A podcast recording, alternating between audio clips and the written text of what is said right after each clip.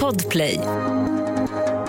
Hej och välkommen till ett alldeles nytt och rykande färskt avsnitt av podden Snutsnack med mig, Hasse Brontén. Den här veckans avsnitt sänds i samarbete med Renault och Upplands Motor. Je voudrais une voiture. Eh, varför är ens varför är skolfranska så fruktansvärt dålig? Jag pluggade franska i fem år. Jag kan inte skylla på min fantastiskt trevliga och paranta franska fröken Maj Wibacke utan det är nog bara det bara såsar in i hjärnan. Men det där hade jag i alla fall kommit ihåg. Jag har inte googlat utan jag tror att det betyder något i stil med alltså je voudrais une voiture, alltså jag vill ha en bil. Nej, dålig franska. Och helt ärligt, Alex och kompani på Upplands Motor är faktiskt inte heller jätteduktiga på franska. Så är det. Men det de är väldigt duktiga på är Renault som är en fransk bil. Ja, är du och kikar och är ute efter en bil så ta en sväng förbi Upplands Motor och titta till exempel på den mycket populära elbilen eh, Zoe heter den. Sen har de även andra nyheter som plug-in hybrider av både Captur och Megane heter de modellerna. Ja, hälsa bara från mig så tar de väl hand om er. Och om ni inte hälsar från mig så kommer de ta väl hand om er i alla fall. Nu ska vi gå över mot veckans avsnitt. Jag har fått förmånen att prata med Sveriges första kvinnliga polisiära helikopterpilot, Jenny. Så det blir lite helikoptersnack, väldigt intressant eh, tjänst verkar det vara måste jag säga. Ja, glöm inte att du hittar oss på Facebook och Instagram. Vill du bli Patreon och stötta podden lite extra så får du jättegärna göra det genom att gå in på patreon.com snutsnack. Ja, helikopter, att köra helikopter är ju farligt, så då måste man vara försiktig. Men det ska vi andra också vara i dessa tider. Var försiktiga där ute och ha nu en väldigt trevlig lyssning.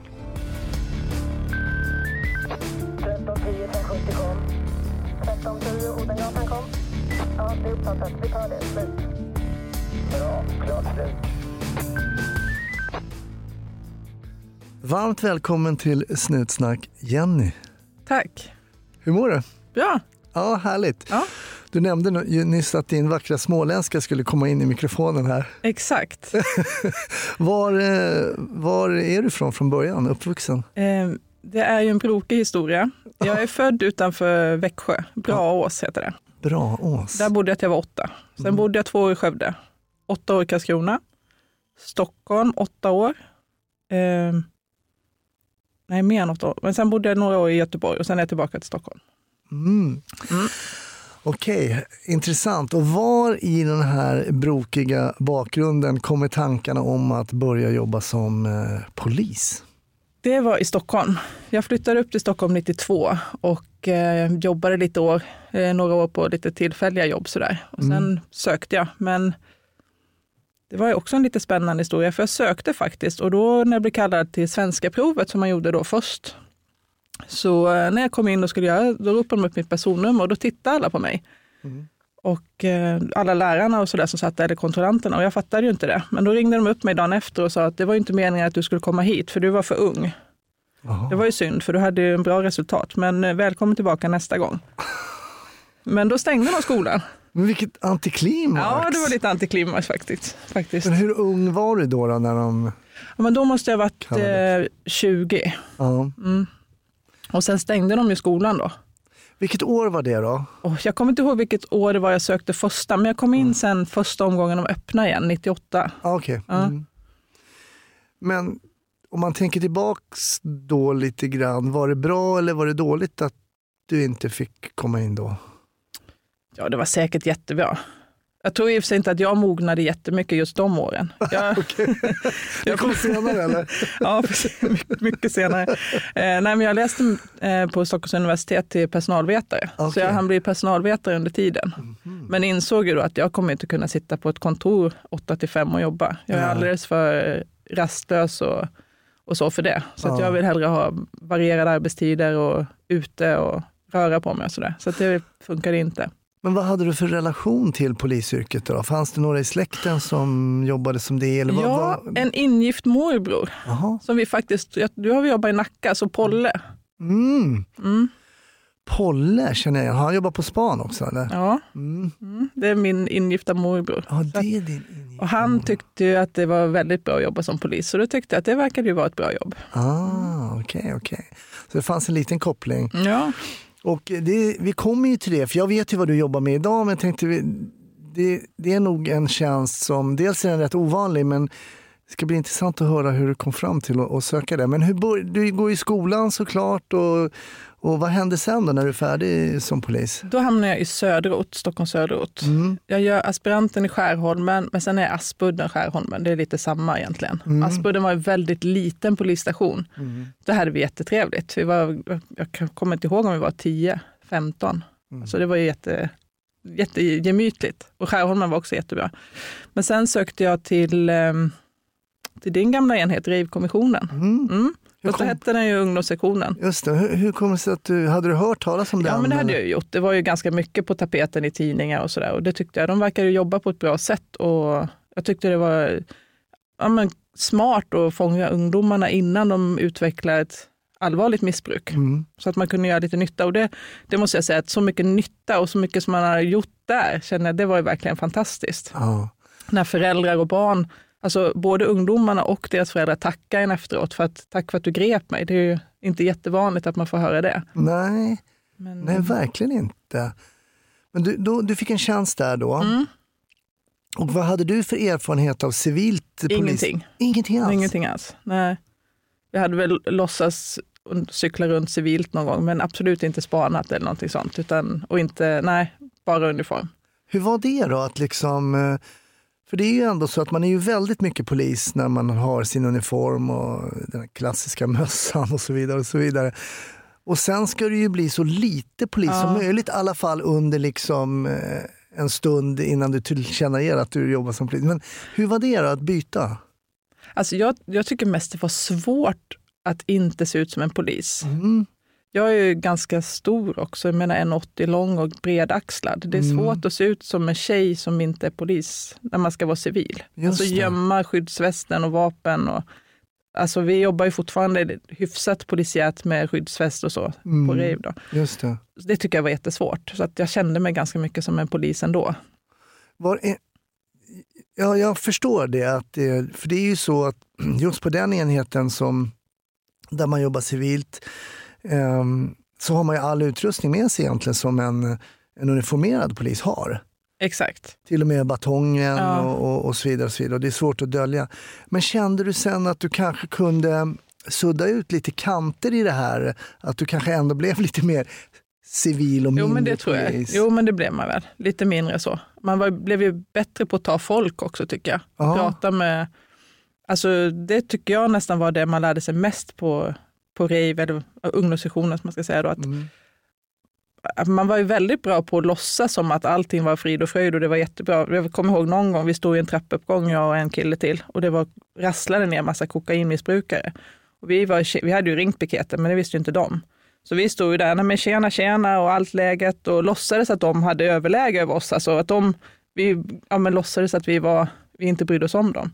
Och då kom vi ju, de var ju jättesnälla och trevliga mot oss. Sen fick ju de sitt sen då när piketen kom, men vi tog ju inga fighter på det sättet, utan Nej.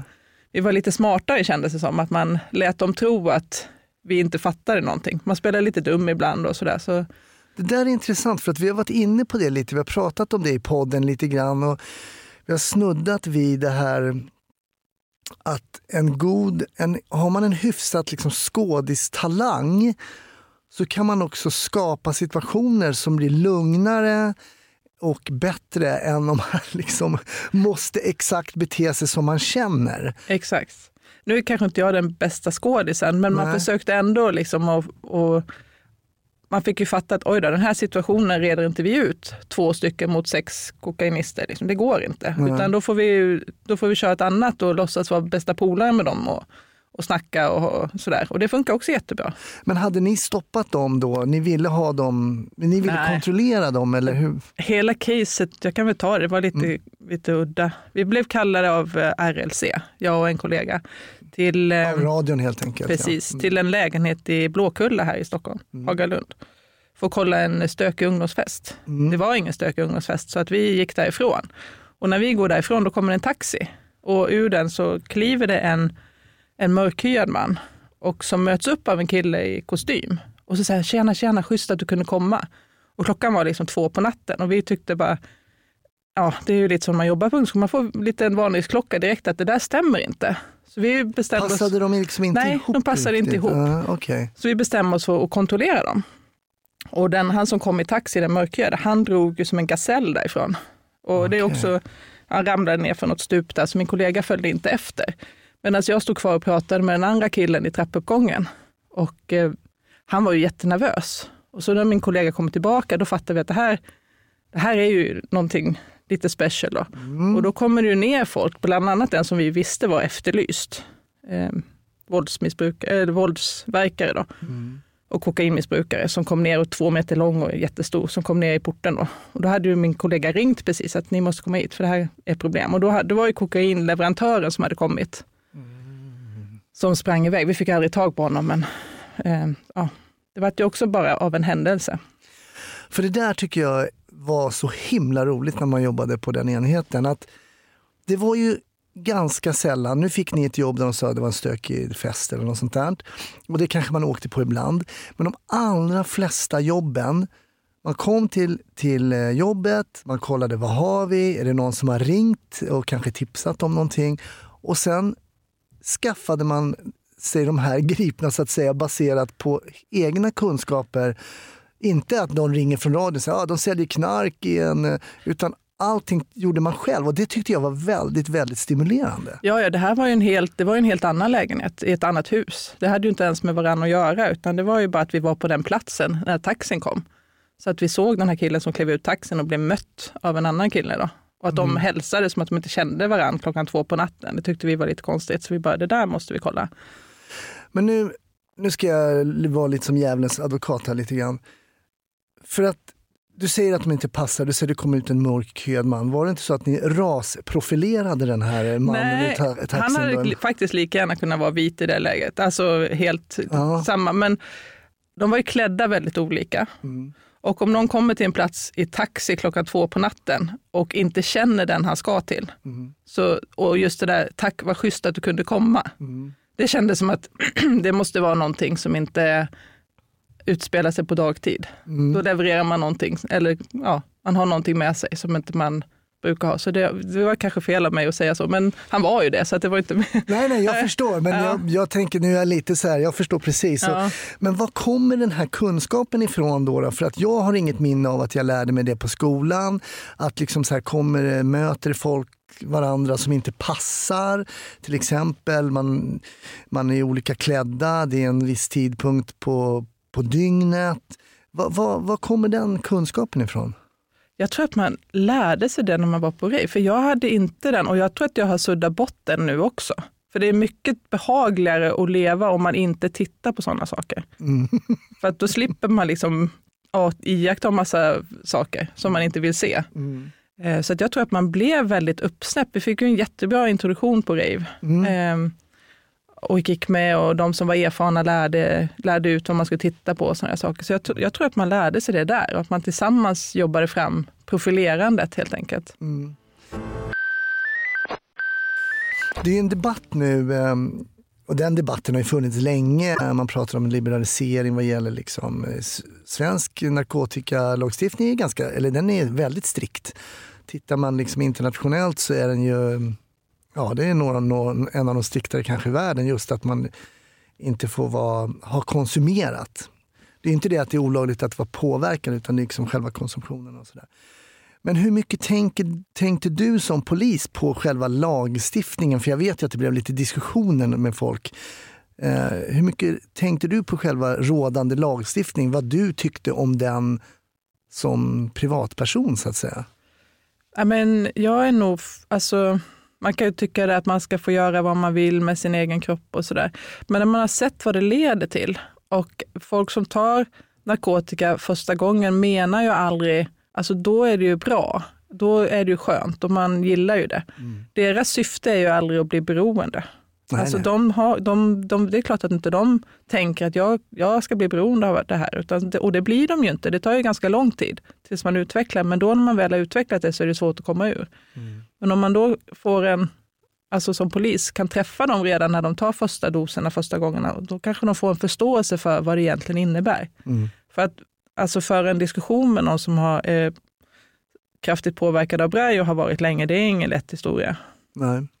Då kan man få ganska onödiga samtal och ja, ointressant information om man säger så. Mm.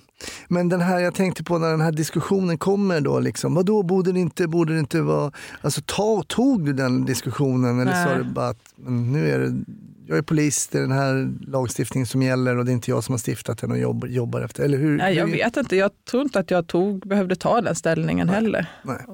Jag var liksom med på att det är det här som gäller. Jag hade inga, inga egna åsikter som gick i strid med det heller. Så, att, Nej. Jag fattar. så det var lättarbetat så. Men vad är den stora skillnaden där då? Att jobba, du hade jobbat i uniform och, och, och kom till den här civila gruppen som jag skulle vilja säga är väldigt civil. Alltså, vad, är, vad är arbetssättets skillnader mellan att vara ute i uniform och sen jobba då mot de här ungdomarna och inte jobba i uniform?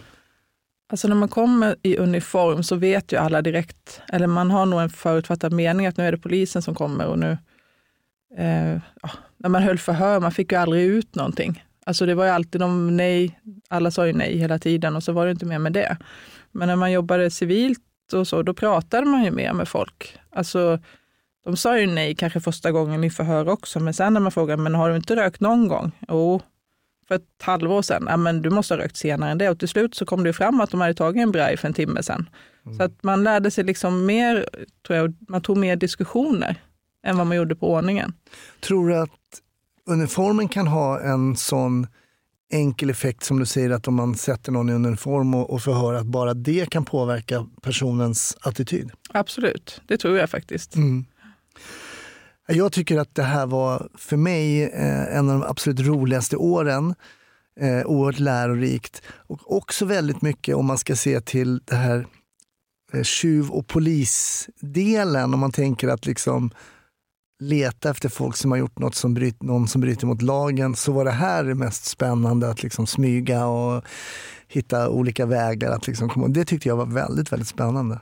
Ja, eh, jag tyckte också, jag trivdes jättebra. Men sen dök det upp det här och vi hade en kvinnlig chef då på rave. Mm. Och hon hade väl lite kontakter på polisflyget. Hennes man tror jag jobbade lite med dem. Så att jag var ju inte på rave längre än två år. Nej. Men sen dök det upp det att man skulle söka till helikopter. Och då var hon på oss tjejer lite grann, för de, de hade inga tjejer på polisflyget.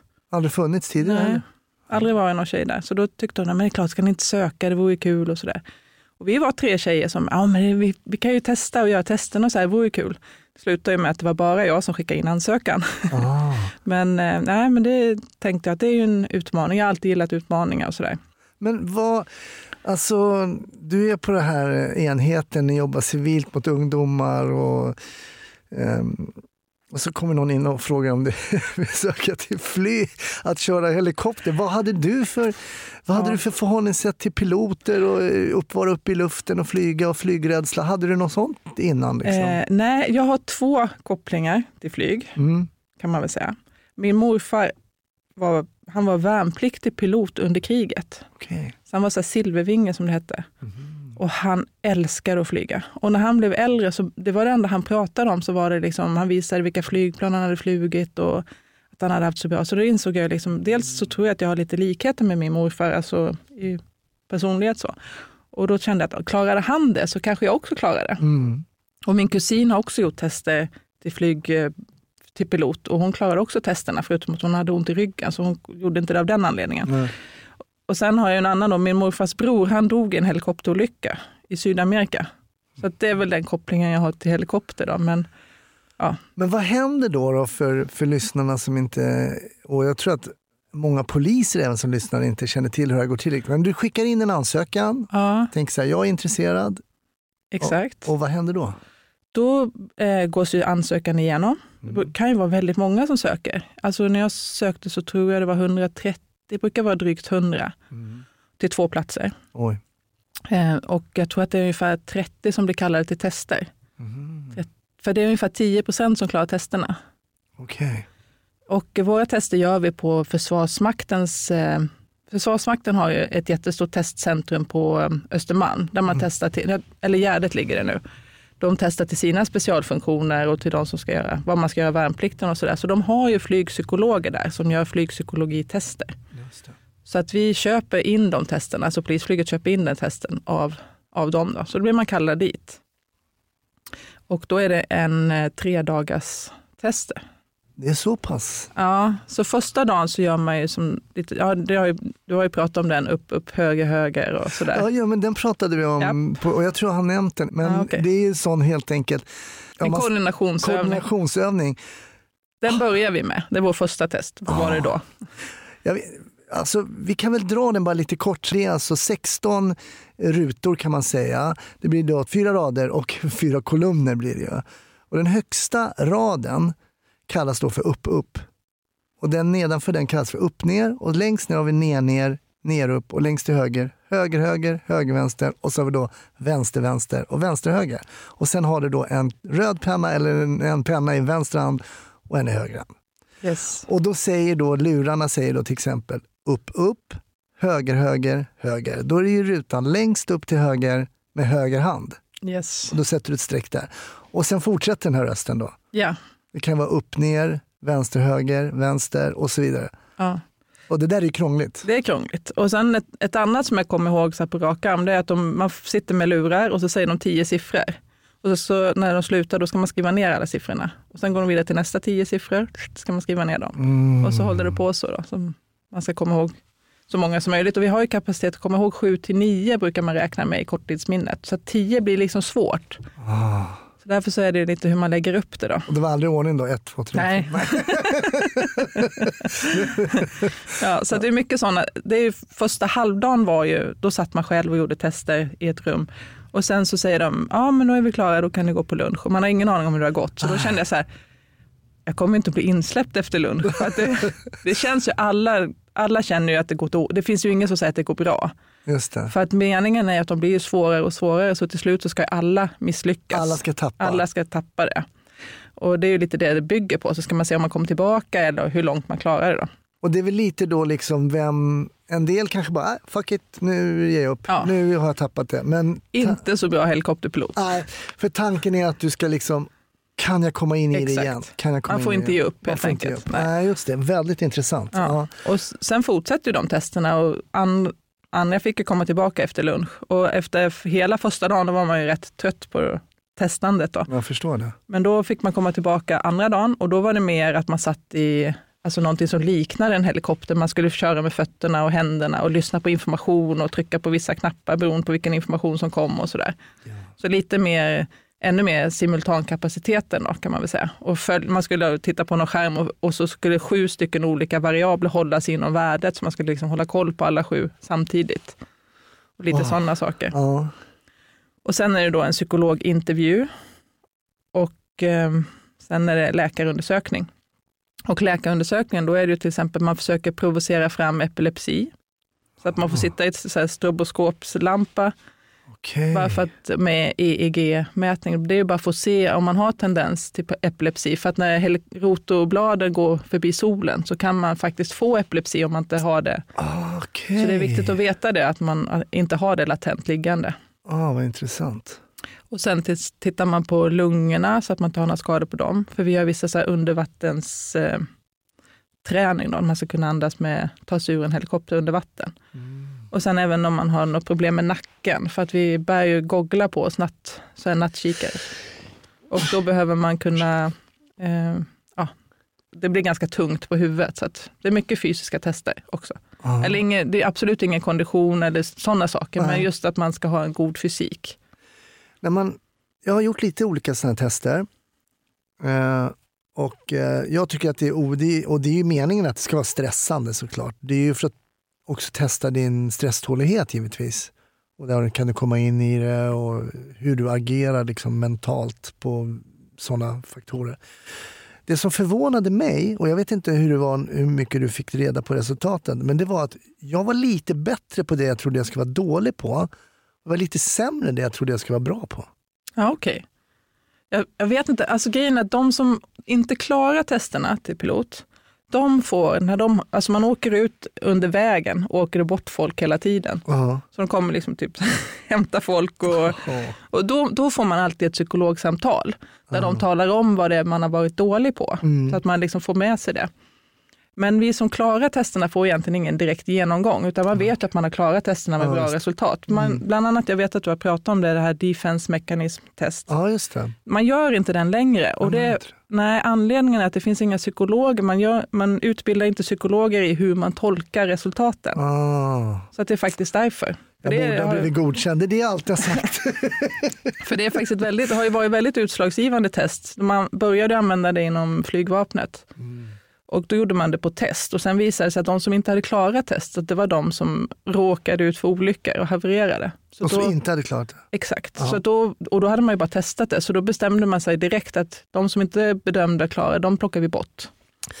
Vi kanske ska eh, förtydliga för de lyssnarna som eh, inte känner till det här DMT, då, Defense Mechanism Test. Det var det att man helt enkelt fick sätta på sig typ liknande ett cyklop Eh, och så får man en väldigt, väldigt kort bild Extremt kort skulle jag vilja säga. som bara flimrar upp. Japp. Och om inte jag missminner mig så skulle jag förklara då eh, personerna på bildens deras sinnesstämning, ålder, kön. Eh, jag tror det var det grundläggande. Och det jag gjorde fel var att jag såg de glada bilderna. Surprise! Eh, men inte de där det fanns hot.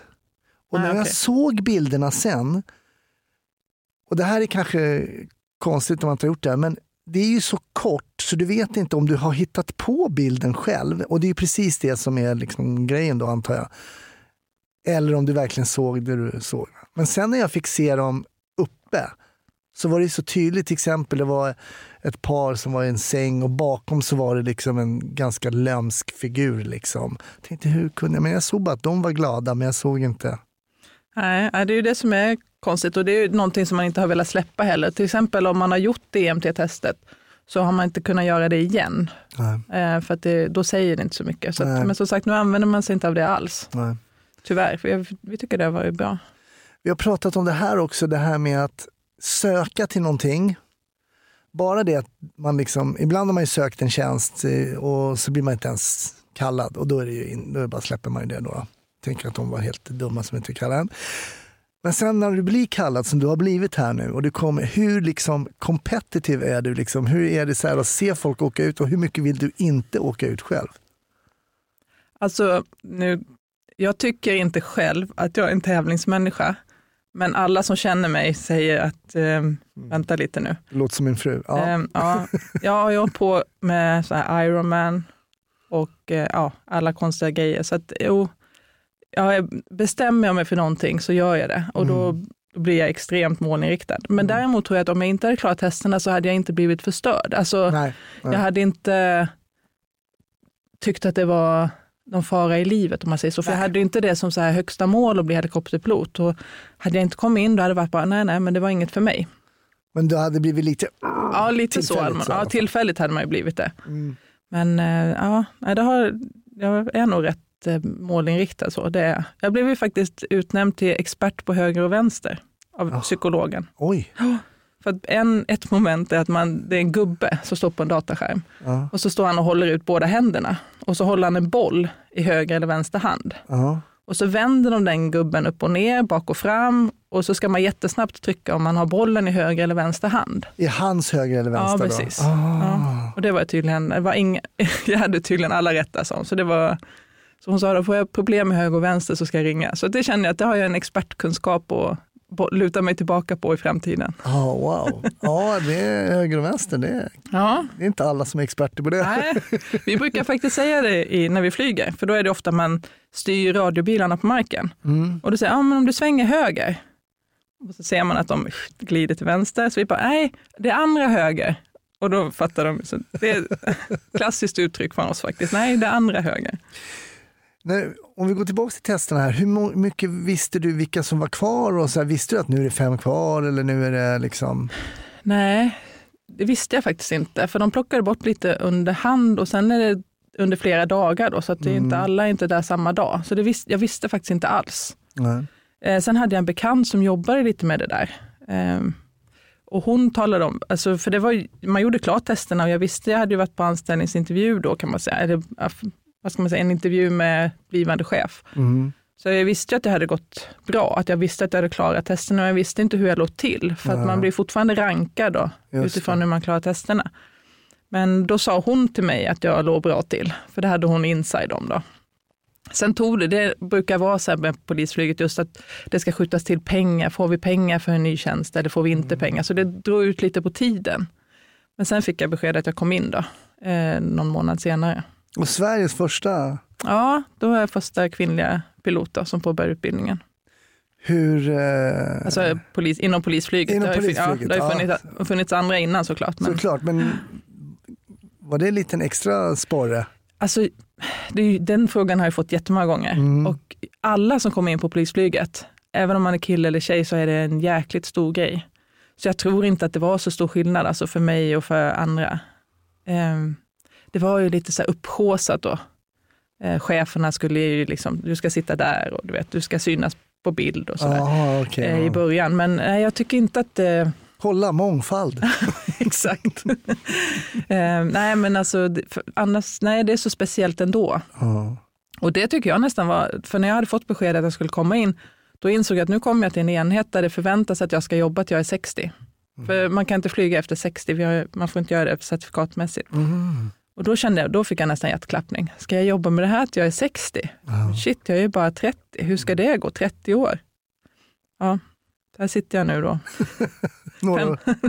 Ja, 18 år senare. Eh, nej, men då fick jag faktiskt lite, så här, lite ångest över det. Tyckte det var jättejobbigt, men då fick jag ju tala om för mig själv att, men vadå, du kan ju hoppa av. Alltså, Mm. det går ju. Du har inte skrivit på ett kontrakt att du nej, måste? man, gör, alltså, om man, skulle, man är ju väldigt dyr att utbilda. Det kostar några miljoner att utbilda en pilot. Men eh, det är ju inte förrän man har jobbat i en 6-7 år som man är attraktiv på den privata marknaden. Och man kan ju inte skriva ett livstidskontrakt. Kontrakt. så att det, så nej, vi har, inte, vi har ingenting sånt inom polisen. Men den här utbildningen då, då kommer du, du får beskedet, Ja. du ska gå helikopterutbildning. Exakt, och då, går vi, då är det en teoriutbildning. Och jag kan säga att jag har typ 300 högskolepoäng och gått polis, polisutbildningen, men alltså pilotutbildningen, noll högskolepoäng. Det jobbigaste jag någonsin har pluggat. Ja, det är så. Ja. Alltså jag fattar inte varför man ska kunna allting om elektronik och komponenter. Man måste ju förstå helheten såklart, men det ska in och grottas i varenda liten detalj. Okej. Så att det är mycket plugg, jättemycket plugg. Och sen är det inte så här också, du måste ju, vad heter det, Metro, met, Meteorologi, meteorologi heter det ja. Absolut, och lagar och regler då vad som gäller såklart. Mm. Och eh, för oss som flyger helik- helikopter kan det vara lite ointressant om hur många meter det ska vara mellan linjerna på landningsbanan. Mm. Det är inte jätteintressant. Men eh, ja, på den nivån är det. Hur lång är helikopterutbildningen? Alltså man, själva utbildningen är ett och ett halvt år Mm. och sen får man flyga med mentor i ett år innan man, ungefär innan man får ta egna jobb. Mhm. För när man, den där ett och ett halvt åriga utbildningen, den är ju bara till pilot. Då har det ingenting med polistjänsten att göra. Nej, Sen ska man då lära sig att flyga i polisiär tjänst. just det. Så du gick egentligen en, ytterligare en polishögskolan? Ja, kan man säga. Men då var vi bara två. Och då pluggade vi.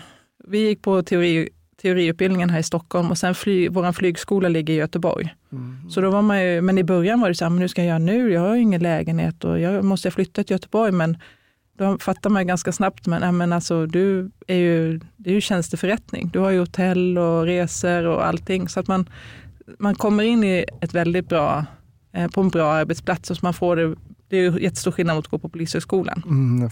Här får man ju alltid, vi fick varsin lägenhet till och med för att slippa bo på hotell. Då. Det är mycket skönare när man ska bo ett halvår i taget. Mm.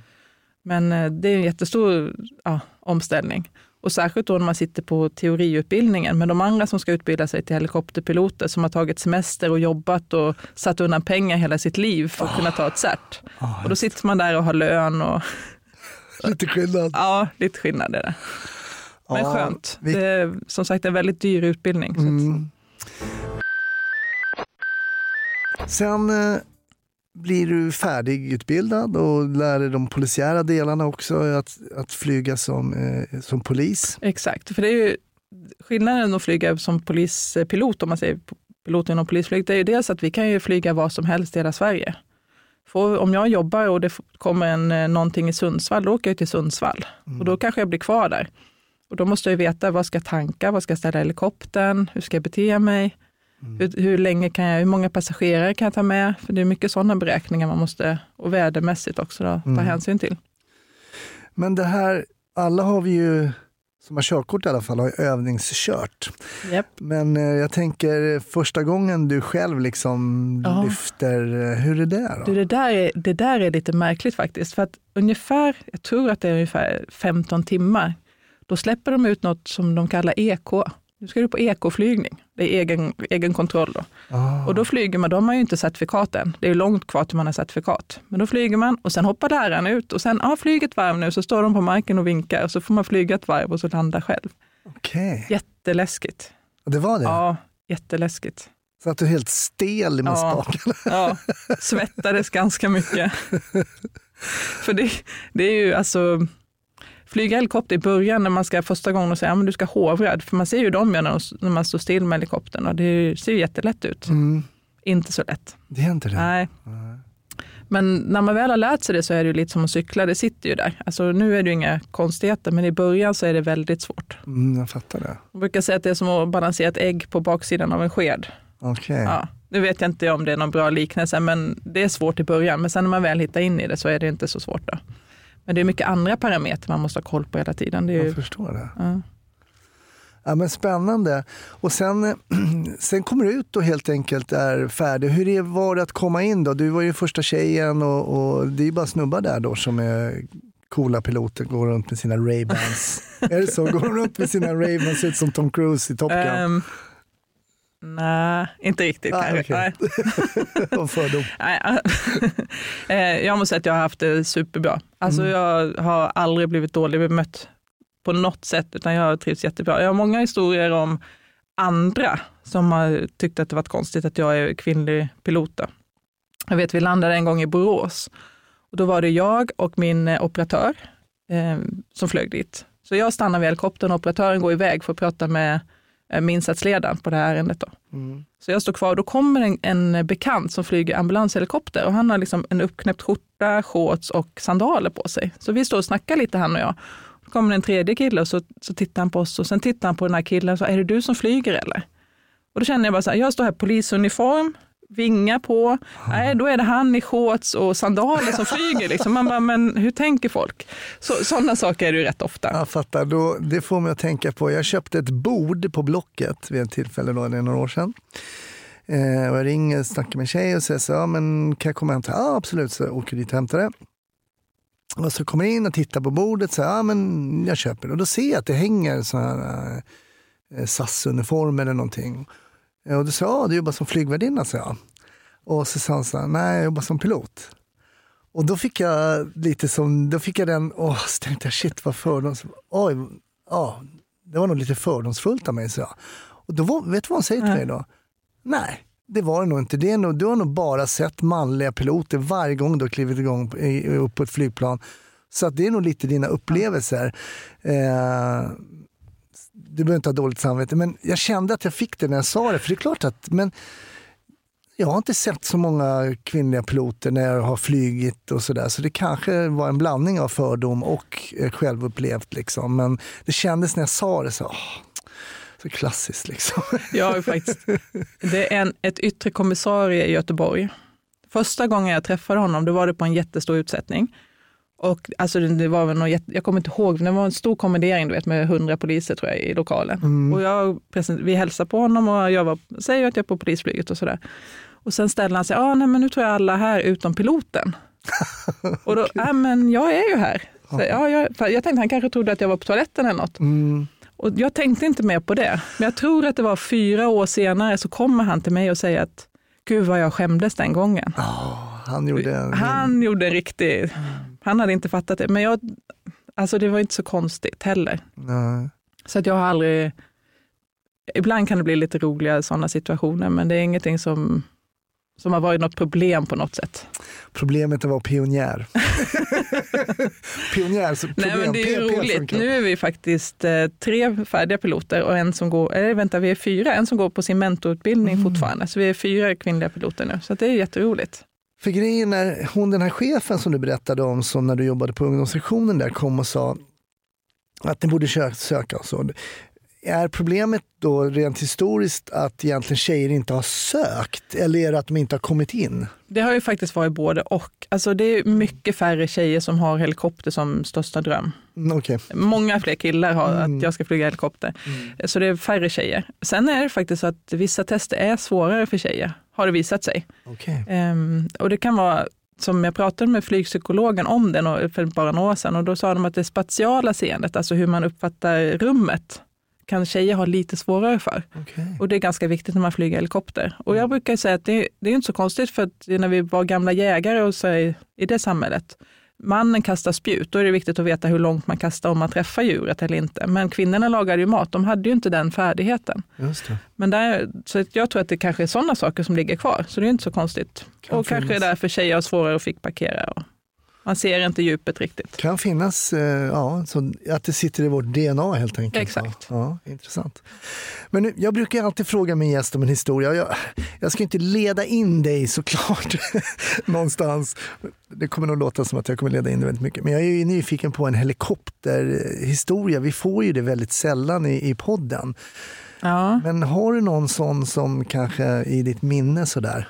Eh, jag har ju många, alltså man har ju varit med på väldigt mycket. När man flyger helikopter så blir man ju kallad till de stora grejerna. Mm. Så är det ju. Mm. Jag flög terror, terrorfredagen på Drottninggatan. Ja, okej. Eh, så det, är- det är mycket så, man blir med på de stora, stora sakerna. Kan du känna, förlåt nu avbröt jag dig lite, men kan du känna, jag menar det här var ju en sån jättestor grej, men även om du sitter uppe i helikoptern, kan du känna liksom allvaret där uppe också eh, på radiotrafik och så vidare? Liksom? Absolut, för det var kaos. Mm. Det var kaos. Och då känner jag att det enda vi kan göra då, det är att försöka skapa lite, för det är ju faktiskt så att vi kan skapa lite trygghet för de som är poliserna som är på marken, för att de vet att vi ser vad de gör. Och kan vara, hjälpa dem lite och trygg, trygga upp deras situation och hjälpa till att leta. Vi kunde inte göra så mycket i det här, för det var så kaosartat att det kom in tips från alla håll och kanter. Mm. Men att bara finnas i luften gör ganska mycket också. Mm. Som när vi är på försvunna personer så ibland vet vi att vi kommer inte att kunna hitta den här. Men bara att komma dit och väcka upp hela samhället. Och, för då kommer folk och frågar vad är det som har hänt och då ringer de in och ja, men honom har ju jag sett. Mm. Så att man får den aspekten också. Just det, just det, den har jag faktiskt inte tänkt på. Så samhället blir lite mer, särskilt om man kommer lite utanför Stockholm då. Mm. Man kommer till den, ja, hålan, hålan kan vi kalla den då. Mm. Då, ja, då vet de att, då får de reda på att eh, Gösta 90 år är borta. Fast de kanske har sett honom någonstans och då kan man leta vidare där. Så det är en väldigt viktig aspekt i Mm. de fallen. Men ofta är det ju så, vi är, försvunna personer är ett stort uppdrag vi har. Mm. Och vi hittar ju ganska många personer också. Mm. Har du någon minne av någon speciellt case? Ja, eh, jag har ju ett som faktiskt var, det var inte så många år sedan, men det var här i Stockholm. Eh, dåligt väder var det, det är en faktor som påverkar oss rätt mycket, för vi kan inte ligga så högt om det är må, då, låga moln och sådär. Så att det var rätt, rätt stökigt väder för mig. Mm. Men det var ganska nära Arlanda, så jag hade ju nära hem då. Vi håller till på Arlanda, så det kändes bra. Edsviken. Då var det någon som hade sett en kille som hade varit full. De hade Mhm. försökt prata med honom, han var väl 17 kanske. Ganska packad och bodde väl i omgivningen där då. Men då Mm. hade de, han blev liksom, han ville inte prata med dem, så han hade sprungit ut i skogen, sprungit ner från en slänt, ner mot vattnet. Och då hade de varit där och letat efter honom, för det var ju minusgrader och kallt och han var ju full, så att de tänkte att det kan ju ha hänt någonting. Mm. Ehm, Så de är och letar, hundföraren letar och så kommer vi till slut. Då, för jag tror vi fick vänta lite för det var lite dåligt väder, så vi kom först en liten stund senare. Och vi flyger och letar och då får min operatör då, som letar med värmekameran, då får hon en värmesignatur nere vid vattnet. Men den var väldigt, eh, det syntes inte att det var en människa utan det var liksom eh, ganska bred värmesignatur. Men vi kände att den där vill vi nog ändå kolla på. Vi, vi skickar ner någon och tittar på den. Var, Men värmesignatur, är det, så, är det lite som man ser på film att det är rött och det är lite blått och det är lite så Ja, vi, har, vi jobbar mest med svart och vitt. Och då är Okej. vitt, vitt är varmt och svart är, är kallt. Då. Så, Okej, mm. så då, då är det ett tecken på att det är varmare. Så det är någonting som är varmare än omgivningen där. Mm. Och vi säger nog till och med tror jag, att ja, men det kan vara ett så avfall eller utlopp, att de släpper ut något vatten där. Mm. Någonting. Vi vet inte, men för det såg väldigt så jämnt ut, det var inga skarpa kanter. Och hundfaren bara, ja, jag har ju precis varit där nere. Ja, fast vi vill nog att du går ner en gång till. Och han går ner och vi ser ju i den här värmekameran att han halkar ner för slänten och han har problem att ta sig fram för träden. Det är, det är mörkt ute? Eller? Ja, det är kolsvart. Det är kolsvart. Han var jätteglad på er? Han var jätteglad och han halkar ner för slänten. Och, ja, är, är jag på rätt väg? Ja, du har bara några meter kvar nu. Ja, jag har ju gått här alldeles nyss, säger han. Ja, men om du går några steg till nu. Och sen hör man bara, helikoptern, du har räddat ett liv. För då ligger den här killen i vattenbrynet och har ramlat och slagit i huvudet. Då. Så han var ju... Oh han, var de, han fick igång honom med medvetande genom lite så här, eh, triggerpunkter, då, men han var ju medvetslös när han kom ner. Mm. Att, men han fick igång honom och fick upp honom till vägen igen. Då. Okay. Så det känns ju oerhört skönt att kunna hjälpa till. Ja, hur är det då? Känslan att liksom styra hemåt mot Arlanda igen och du ändå har den det liksom hörselminnet kan man väl säga då, någon säger så här, helikoptern, eh, du har räddat ett liv. Ja, Nej, men det känns jätteskönt. Det är liksom det vi är till för, att mm. kunna hjälpa till. Mm. Och, ja, både sådana jobb och gripa gärningsmän, följa efter bilar som, som, och in i skogen. Det är jättelätt när de springer ut i skogen och då kan vi hitta dem ofta om man är mm. lite tätt efter. Sådär. Det finns ju andra case också som helikoptern faktiskt har varit avgörande för poliserna. Om man tänker på caset i Bagarmossen där det var en man som blev ihjälskjuten av en polis i huvudet. Alltså, okay. Och sen kom det en historia, i media framställde det som att nej, han skulle aldrig ha vapen, han skulle inte göra någonting. Och mm, var jätte, okay. jätteupphåsat. Att, att polisen helt enkelt hade skjutit polisen honom hade gjort utan något, anledning? Ja, precis, utan ja. anledning. Sen kom helikopterbilderna och sen var det inget mer snack. Okej, okay, vad, vad, kunde bilderna... Man ser ju att han drar, det, vi vet ju inte om det är ett vapen, men man ser ju att han står med någonting riktat mot pilos, eller poliserna mm. som i avsikt. Så jag har 100% förståelse för att de sköt, för det var ju så man uppfattade hotet. Mm, jag förstår. Ja. Okej, så till och med i ett, i ett sånt ärende så, skulle man, så kunde man liksom styrka upp situationen? Exakt. Ja, det är intressant. När du säger operatör, du sa operatör, vem är det? Det är också eh, en polis då, mm. som eh, får söka till oss som en taktisk flygoperatör heter det. Mm. Så det är en annan tjänst hos oss. Så att då sköter man, eh, man sköter framförallt kameran och videokameran.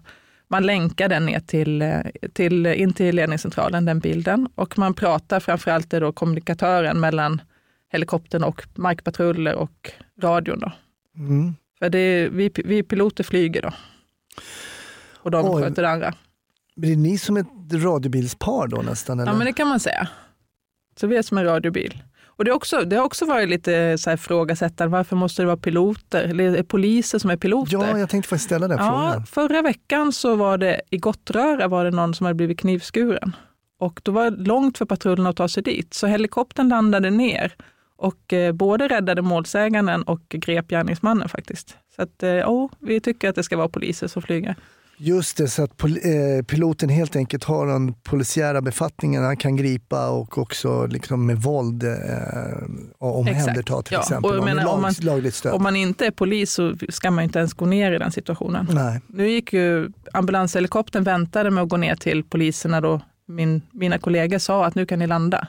Mm. Så att nu är det safe för er att komma ner. Då. Så att det ju, hade ju varit eh, hemskt om det inte var en polis där. Ja, jag fattar. Ja, det är intressant. Då fick vi svar på den frågan.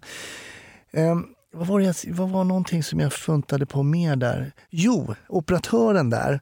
Jag har flygit, inte jättemycket, eh, men någon gång ibland så har, i tjänsten kanske på Säpo eller något sånt där, har jag flugit lite grann. Och blir lite som åksjuk när jag, inte om jag sitter som vanligt och tittar ut, men om vi säger att jag ska ha en kikare och följa ett fordon eller något sånt där, vilket jag gjorde vid något tillfälle och blev så åksjuk. Jag vet inte, det är det, det när man tappar ja, liksom sinnet. Man tappar ju referenserna då, ja. men det hänger inte ihop det som man känner med kroppen och det som man ser. Så absolut, och operatörerna har ju jobbigt, de sitter och tittar på en kameraskärm mm. hela tiden vi flyger. Så innan de påbörjar sin utbildning så får de faktiskt genomgå en liten flygtest. För en del, en del blir åksjuka i helikoptern fastän vi bara flyger rakt fram egentligen. Alltså en del är jättekänsliga och det är mm. ingenting som, det kanske går, men det är kanske ingenting som man vill träna, alltså som är lämpligt att träna bort heller. utan då anses man som mindre lämplig. Mm. Men som pilot så har man inte, när man flyger, det är ju som när man kör bil, man blir ju inte åksjuk när Nej. man kör bil. Nej, det har väl förstår hänt jag. någon gång att man, det är rätt så här kyttigt i luften så att man känner, "Oh, nu blir jag nästan lite illamående själv. Men det är Mm. väldigt, väldigt extremt sällan skulle jag vilja säga. Men operatören har ju det jobbigare med det. Och ibland så kan de ju säga att nej men nu får vi flyga rakt fram lite. Så att, Okej. ja, då får man ta en liten paus. Men åker påsen fram någon gång också eller? Eh, faktiskt, jag har flugit i 18 år. Ingen har kräkts. Är det så? Ja, så är det faktiskt. Och jag är lite stolt över det. Jag flög inrikesministern för inte så länge sedan och då påtalade jag det, så jag hoppas inte du blir den första. Så. Ja, det är bra. Jaha, men vi pratade lite om det här när du var 30 och bara okej, ska jag sitta här tills jag är 60? Hur känns det idag då? Det är 18 år senare. Ja, eh, alltså det är en fantastisk enhet. Mm. Vi har det väldigt bra på många sätt. Alltså, helikoptern är ju dyr. Eh, Så är det ju. Det är en Mm. dyr verksamhet. Så att andra kostnader kanske kommer lite i skymundan. Mm. Det är inte något problem att få nya kängor och sådana saker. För att, Nej. nej. Så att vi kanske har lite bättre än andra poliser på den fronten. Ehm, och ehm, lönen är väl okej om man jämför med poliser, men kanske inte så bra om man jämför med andra piloter. Nej. Däremot så har man ju ett jobb nu som man ständigt kontrolleras. Alltså vi flyger ju upp för kontrollanter minst tre gånger om året. Okej. Ska man genomgå vissa flygprov då, för Mm. att visa att man, är, att man klarar av det. Två gånger, när man, blir så, när man når den aktningsvärda åldern 40, då måste man gå till läkaren två gånger om året, Okej. mm, för då är man gammal. Så att, eh, Verkligen. ja, verkligen. Två gånger om året ska man då visa att man, eh, ja, att man sköter sig. Mm. Och en del läkare de nyper i midjan och aj, aj, aj, nu behöver du gå ner några kilo. Ja, det är så. Jajamensan. Hoppsan.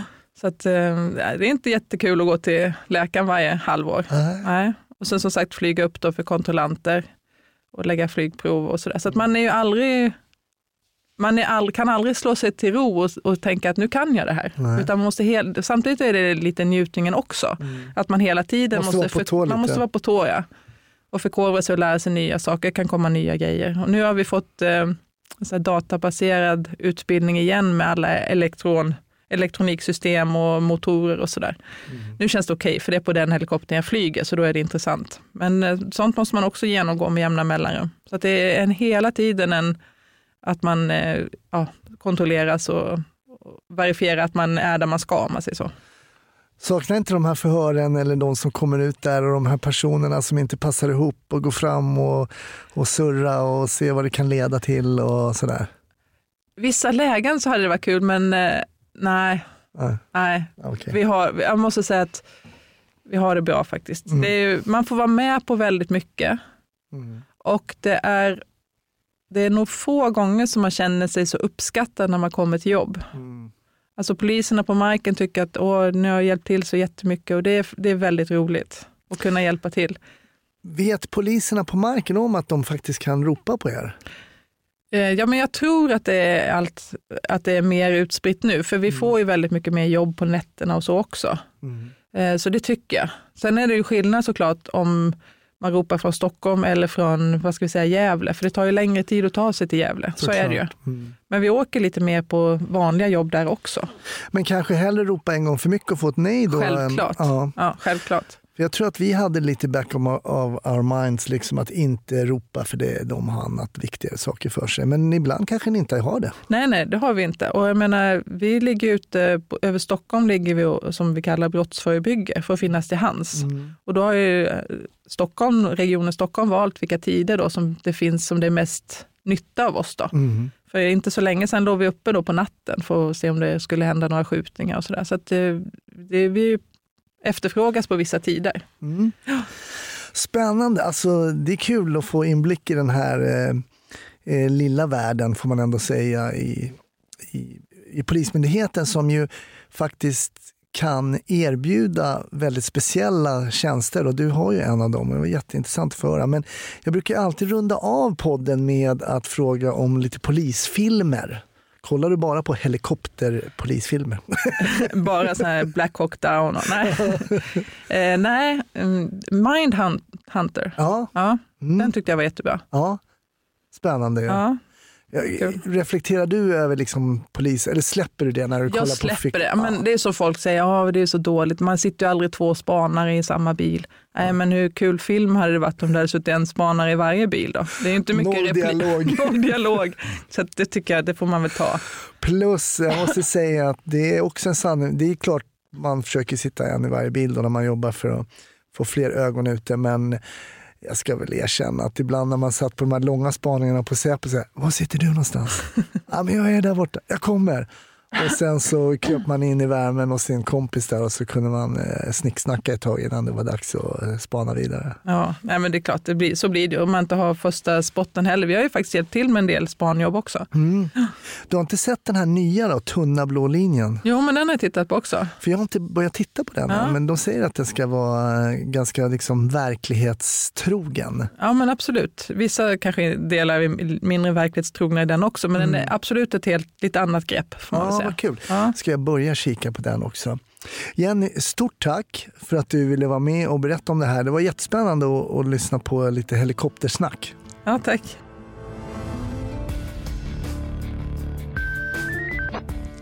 Tack! Snutsnack är över för den här gången. Men vi är tillbaks. Du hittar oss på Facebook, du hittar oss på Instagram. Glöm inte att bli Patreon om du vill stötta podden lite extra. Patreon.com snutsnack så finns vi även där. Annars hörs vi nästa vecka med ett nytt spännande avsnitt. Ha det bra! Hej då!